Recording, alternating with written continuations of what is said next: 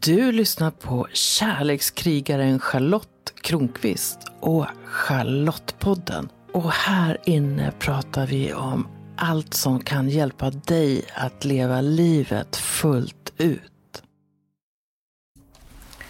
Hejsan, det här är Charlotte Kronqvist och du lyssnar på Charlottepodden.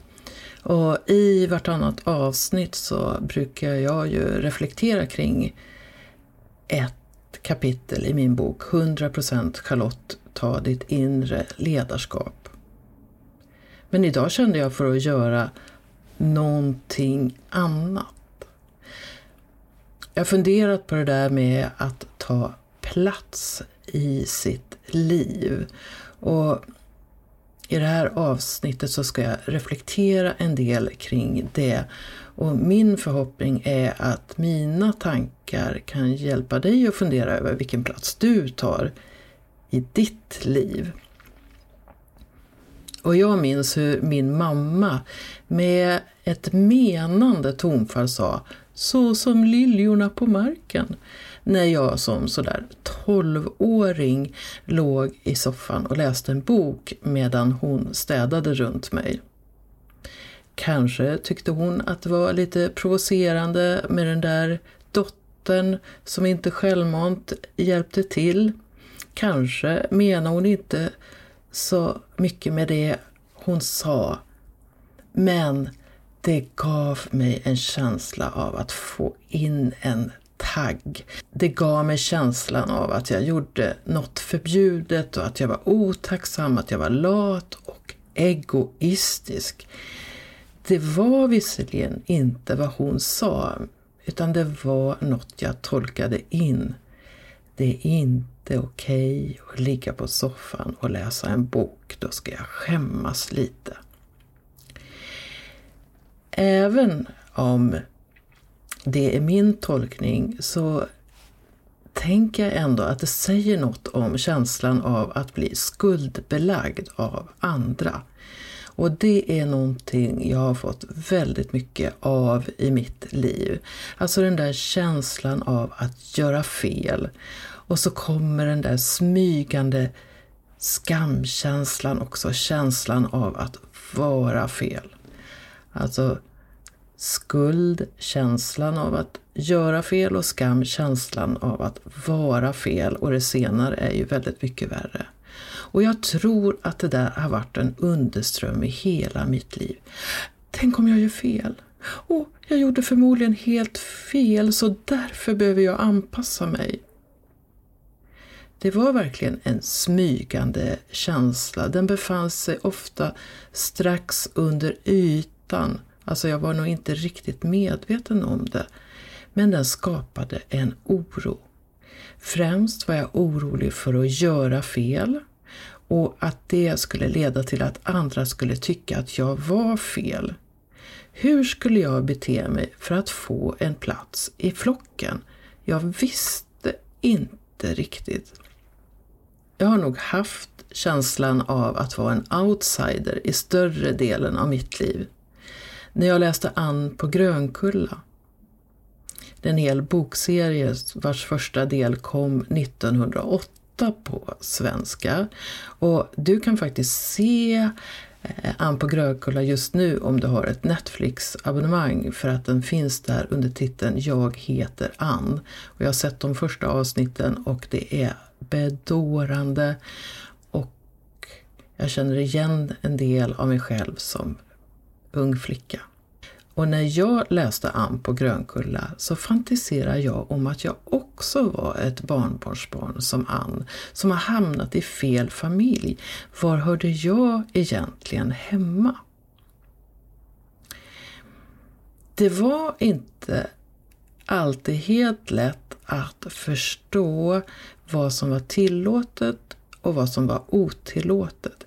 Gränserna var lite oklara i mitt hem och jag var ju rädd för att göra fel. Jag ville vara duktig, jag ville visa mig värdig kärlek så därför tog jag ofta det säkra före det osäkra och var nog ibland lite onödigt försiktig så att jag inte skulle råka krocka mot det där stängslet som visar att jag är ute på otillåten mark. Jag ville hålla mig på rätt sida, för jag ville vara älskad. Så i mig så fanns det något ängsligt, en vilja att göra rätt för att förtjäna kärlek. Det var den enda kod jag hade lyckats lista ut. Om jag var snäll och intresserade mig för de saker som vuxna intresserade sig för, om jag betedde mig lite vuxnare än eh, som behövdes för min ålder, så brukar jag lyckas få ett godkännande. Även om det inte var mina föräldrars avsikt så blev det min tolkning. Jag måste förtjäna kärlek. Det räckte inte med att vara jag. Jag måste alltså förtjänar kärlek och för att få den var jag tvungen att spela en person som det gick att gilla. Jag insåg rätt tidigt att det inte räckte med att vara jag. Jag behövde agera på ett sätt som inte bara var accepterat utan också uppskattat av omgivningen. Och jag försökte lista ut hur jag skulle göra det.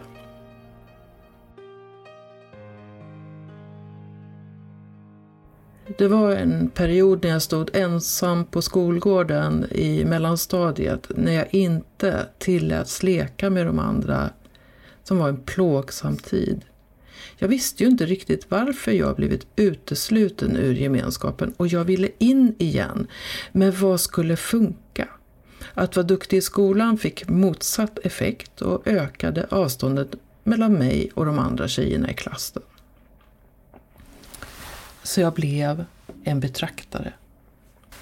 Jag tittade på hur de andra gjorde. Jag lärde mig läsa av det sociala spelet. Jag blev medveten om rangordningen i klassen. Jag kunde läsa av stämningar.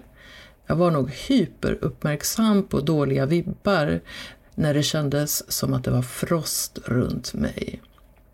Mitt inre alarmsystem, som fortfarande är väldigt aktivt, blev allt effektivare.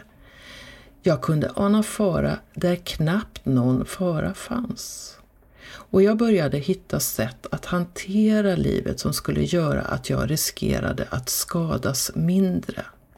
Och det var faktiskt inte förrän i år 2022, så där 50 år senare, som jag kunde sätta ord på min strategi. Jag började tidigt i mitt liv att ägna mig åt harm reduction, riskreducering. Jag hittade sätt att handla som skulle få andra på gott humör eller tillåta mig en plats i gemenskapen. Riskreducering. Mm.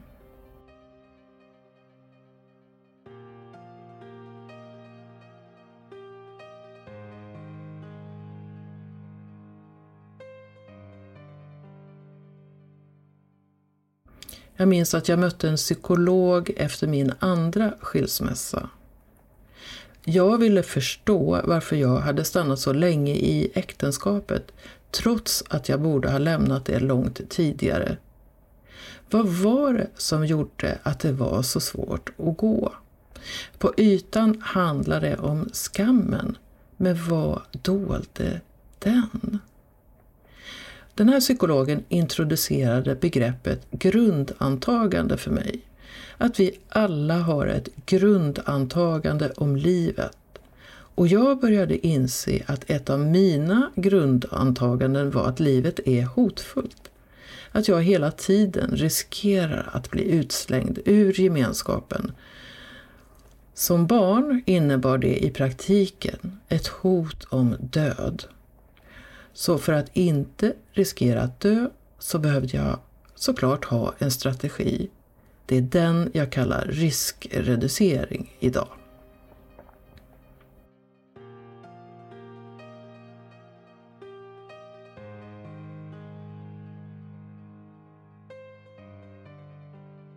En av de saker jag insåg redan då i mellanstadieåldern var att jag på vissa områden var mindre rädd än mina jämnåriga. Jag vågade säga vad jag tyckte till vuxna. Hemma blev jag ju lyssnad till. Mina ord räknades. Så varför skulle inte andra vuxna lyssna på mig? Ibland blev det jag som förde klassens talan. Jag lyckades driva igenom önskemål från mina klasskamrater och så fick jag in en fot i gemenskapen. Det jag också gjorde lite senare för att bli accepterad var att spela tuffare än jag var. Jag stod i rökrutan på skolgården med de tuffa tjejerna. Jag blandade häxblandningar med tjejkompisar och kräktes på gräsmattan. Och jag skrev under en period medvetet fel svar på proven i skolan. Det värsta i min klass var att bli kallad plugghäst. Jag låtsades vara sämre än jag var. Och jag minns i synnerhet en lärare som stod framför mig med tårar i ögonen och sa jag vet att du kan, varför gör du så här? Naturligtvis kunde jag inte göra det. Jag behövde, tyckte jag då, bevaka min plats i hierarkin och inte ramla längst ner igen. Och att ha bra betyg var en uppenbar riskfaktor. Någon gång i åttonde klass insåg jag att jag riskerade min framtid om jag fick dåliga betyg. Då kunde jag åtminstone tillfälligt sluta med riskreduceringen. Jag insåg redan då att min framtid inte skulle vara på orten där jag bodde och jag behövde utbildning för att ta mig därifrån. Och jag kände ju ingen äkta samhörighet med de som tidigare hade mobbat mig. Jag ville något annat och gjorde det. Då hade jag inte satt ord på det där med riskreducering. I sena tonåren var jag styv i korken, politiskt aktiv, en riktig tuffing. Jag satt i olika styrelser, jag reste på kongresser. Jag var till det yttre väldigt framgångsrik och engagerad. Samtidigt på insidan var jag så rädd. Jag kände mig delvis som en bluff. Och en del av uppdragen accepterade jag utan någon större entusiasm. Tog jag plats i mitt liv då? Ja, det gjorde jag på sätt och vis. Men lyssnade jag på min inre röst? Visste jag vad jag egentligen ville? Det är väl tveksamt. Jag visste att jag ville någon annanstans, göra något annat. Jag hade en känsla av att jag hade något jag skulle bidra med till världen och trodde väl först att det handlade om politiken. Sen blev det journalistiken. Som journalist har mitt signum varit att bidra till sammanhang. Redan när jag var nio år gick jag till fröken efter skolan när jag tyckte att hon behandlat en klasskamrat orättvist. Jag grät när presidentkandidaten Robert Kennedy blev mördad 1968 och han stod högst upp på min första kärlekslista. Jag tittade utåt världen, ville att världen skulle bli en bättre plats där vi är schyssta mot varandra. Jag hatade krig och i min perfekta utopiska värld behövdes inga vapen, inga arméer. Jag riktade mitt sökarljus utåt, mot världen. Vad behöver världen? Hur kan jag hjälpa till? Världen var viktigare än jag och hur jag kände det eller mådde var inte alls lika viktigt. Och jag inser att mitt fokus genom livet snarare har varit hur visar jag att jag ser dig? Än att ta hand om mig själv. Jag var ju helt säker på att kärlek eller omtanke eller vänskap eller att få vara med i flocken kräver handling eller åtminstone måste förtjänas. Om jag bara var för en stund skulle jag bli som jag tyckte mamma sa, en lat och egoistisk blomma på marken. Jag tror att ett av de mest negativt laddade orden i min uppväxt var egoist. Det var fult att tänka på mig själv. Jävla egoist var bland det värsta. Så jag aktade mig för det, skyggade för att göra det som kunde uppfattas som egoistiskt och blev rätt så bra på att se till andras behov och att lyfta fram andra.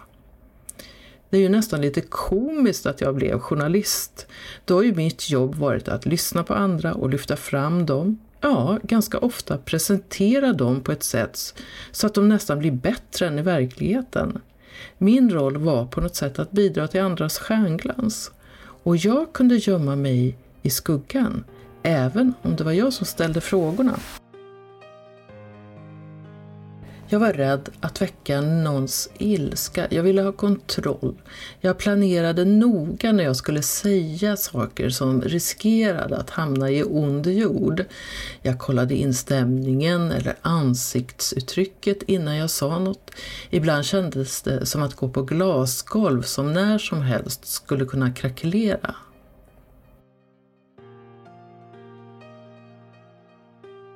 En av de första sakerna jag sa när min inre resa hade startat för sådär 25 år sedan var jag tror att jag har en uppgift i livet. Att säga det var så skrämmande att jag hulkade av gråt. Jag hade sagt inför vittnen att jag tyckte att jag hade ett värde, ett uppdrag, att det finns en mening med mitt liv. Hur kunde jag säga något så storslaget? Och ändå var det som att titta ut ur riskreduceringen. Det var som att få en glimt av mitt framtida jag till en tid då jag helt ogenerat kan ta plats i mitt liv. Där är jag inte alltid, inte ens idag, men det händer.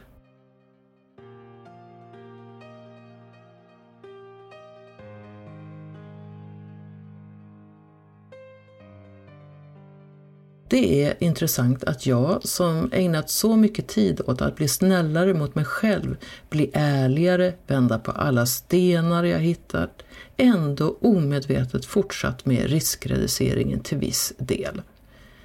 Vad är din förhoppning på festen? frågar jag sambon. Han uppfattar en ängslan i min röst. Det finns en lätt irritation i hans tonfall. Varför frågar du dig inte vad du själv har för förväntningar på festen, frågar han. Och då trillar poletten ner.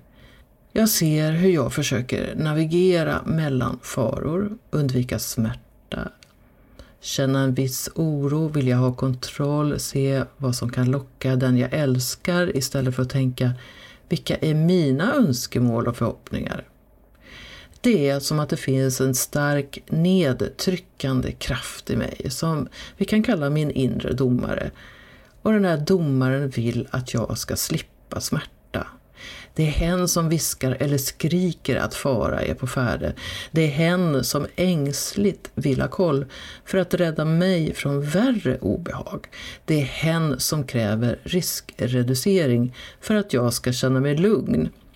Men jag tror att domare jobbar på övertid nu. Nu är inte längre tiden där jag ska fokusera på att reducera risker. Nu är tiden att njuta av livet och fundera på vad livet har att erbjuda mig.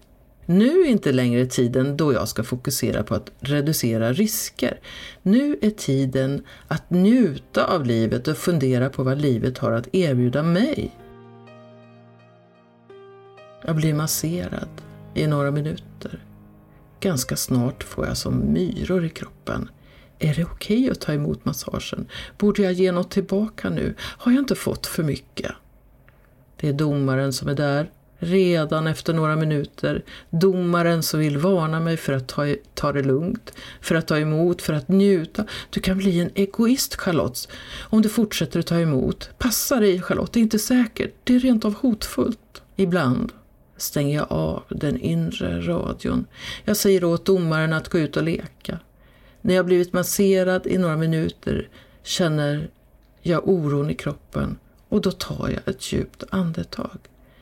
Jag lämnar över till massören att själv bestämma hur länge hen vill serva mig. Jag slappnar av.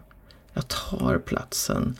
Jag känner att livet blir mer njutningsrikt när jag också kan slappna av. Jag märker också att det här att känna att livet verkligen är med mig och att livet inte behöver vara en farlig plats gör att det uppstår mer kärlek i och runt mig. Så jag ska fortsätta med det, att ta plats i mitt eget liv. Och det behöver inte ske på någons bekostnad utom möjligen den inre domarens. Och jag känner verkligen att jag tar mer plats i mitt liv. Och för mig har det verkligen inte varit självklart. Först handlar det om att upptäcka hur det faktiskt är att bli medveten om det. Och sen när jag blivit medveten så har jag fått ta ett steg i taget. Och min erfarenhet är att det som jag blir medveten om är sånt som jag kan klara att ta emot. Så det verkar som att det tog väldigt emot att förstå det här med riskreducering. Något som jag ägnat mig åt i större delen av mitt liv. Och först i år 2022 verkligen se med tydlighet. Och då kan jag ju börja göra någonting med det. Som att våga njuta mer. Som jag väljer då. En av de grejer som jag gör är ju att jag coachar människor. Och jag tar emot klienter både via Zoom och hemma i mitt mysiga röda rum här i Minneberg i Bromma i Stockholm. Vill du bli coachad? Du kan läsa mer på min hemsida charlottekronqvist.org. Och i nästa avsnitt av Charlottepodden som kommer om ett par veckor så är det dags för ett samtal igen. Alltså att jag samtalar med någon istället för att bara prata själv. Så njut av att vara du till dess. Ta plats i ditt liv. Livet kan vara en kärleksfull plats. Kom ihåg att prenumerera på Charlottepodden så att du är med när nya avsnitt kommer. För vem vet vad du kan få lära dig om livet i det avsnittet. Rekommendera gärna podden till en vän så är du med och sprider vetskap om att den här podden finns och berätta vad den ger just dig. Jag skulle bli så glad om du också går in i din podcast-app och lämnar en kommentar eller skriver en recension av podden. Ju fler som gillar podden öppet, desto fler kommer också att hitta den.